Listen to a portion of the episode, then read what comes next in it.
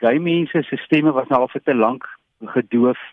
Uh, en as die kerk nie wil luister om hulle harte oop te maak vir liefde en omarming nie, dan sal ons so ver gaan om na die hof toe te gaan, want ons wil hê hulle moet die 2015 besluit weer in plek stel wat 'n baie regverdige besluit was waarin gemeente self kon besluit of hulle gay predikante wil beroep en dominees wat hulle weg oop sien om um, uh, gay couples te trou. So dis 'n baie belangrike saak hierso.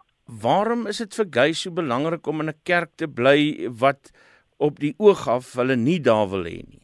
Weet jy Isak, dit is bloot net omdat dit ook gay mense se kerk is. Nie net heteroseksuele mense behoort aan God nie.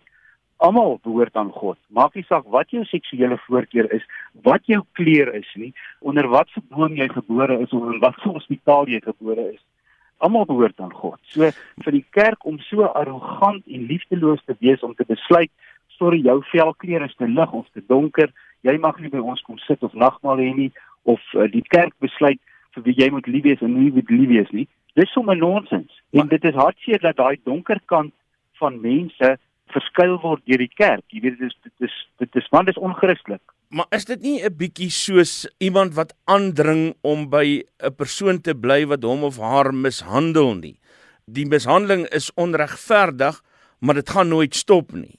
Ja, maar jy weet om jy ook aan mekaar net jou rug te draai op die mense wat jou mishandel, wanneer trek mense streep? Jy weet, ek dink dit is juis belangrik dat die een wat mishandel uitgewys moet word.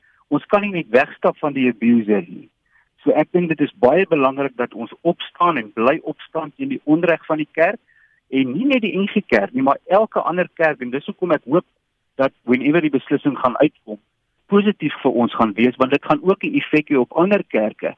Dit is nie net die NG Kerk wat die abuser is nie, ook ander kerke is die abusers van hulle LGBTI gemeenskap. Is dit net die kerk wat eh, teen gays in Suid-Afrika diskrimineer? Nee, nee, Isak, jy weet die kerk bestaan ons maar uit mense uit, weet mense wat wat oral te vind is in die samelewing. So dit is nie net die kerk nie, maar jy weet dit voel net vir my so verkeerd dat 'n instansie soos die kerk wat sê dat hulle die liefde van God uitdra, dat hulle soms die grootste abuser is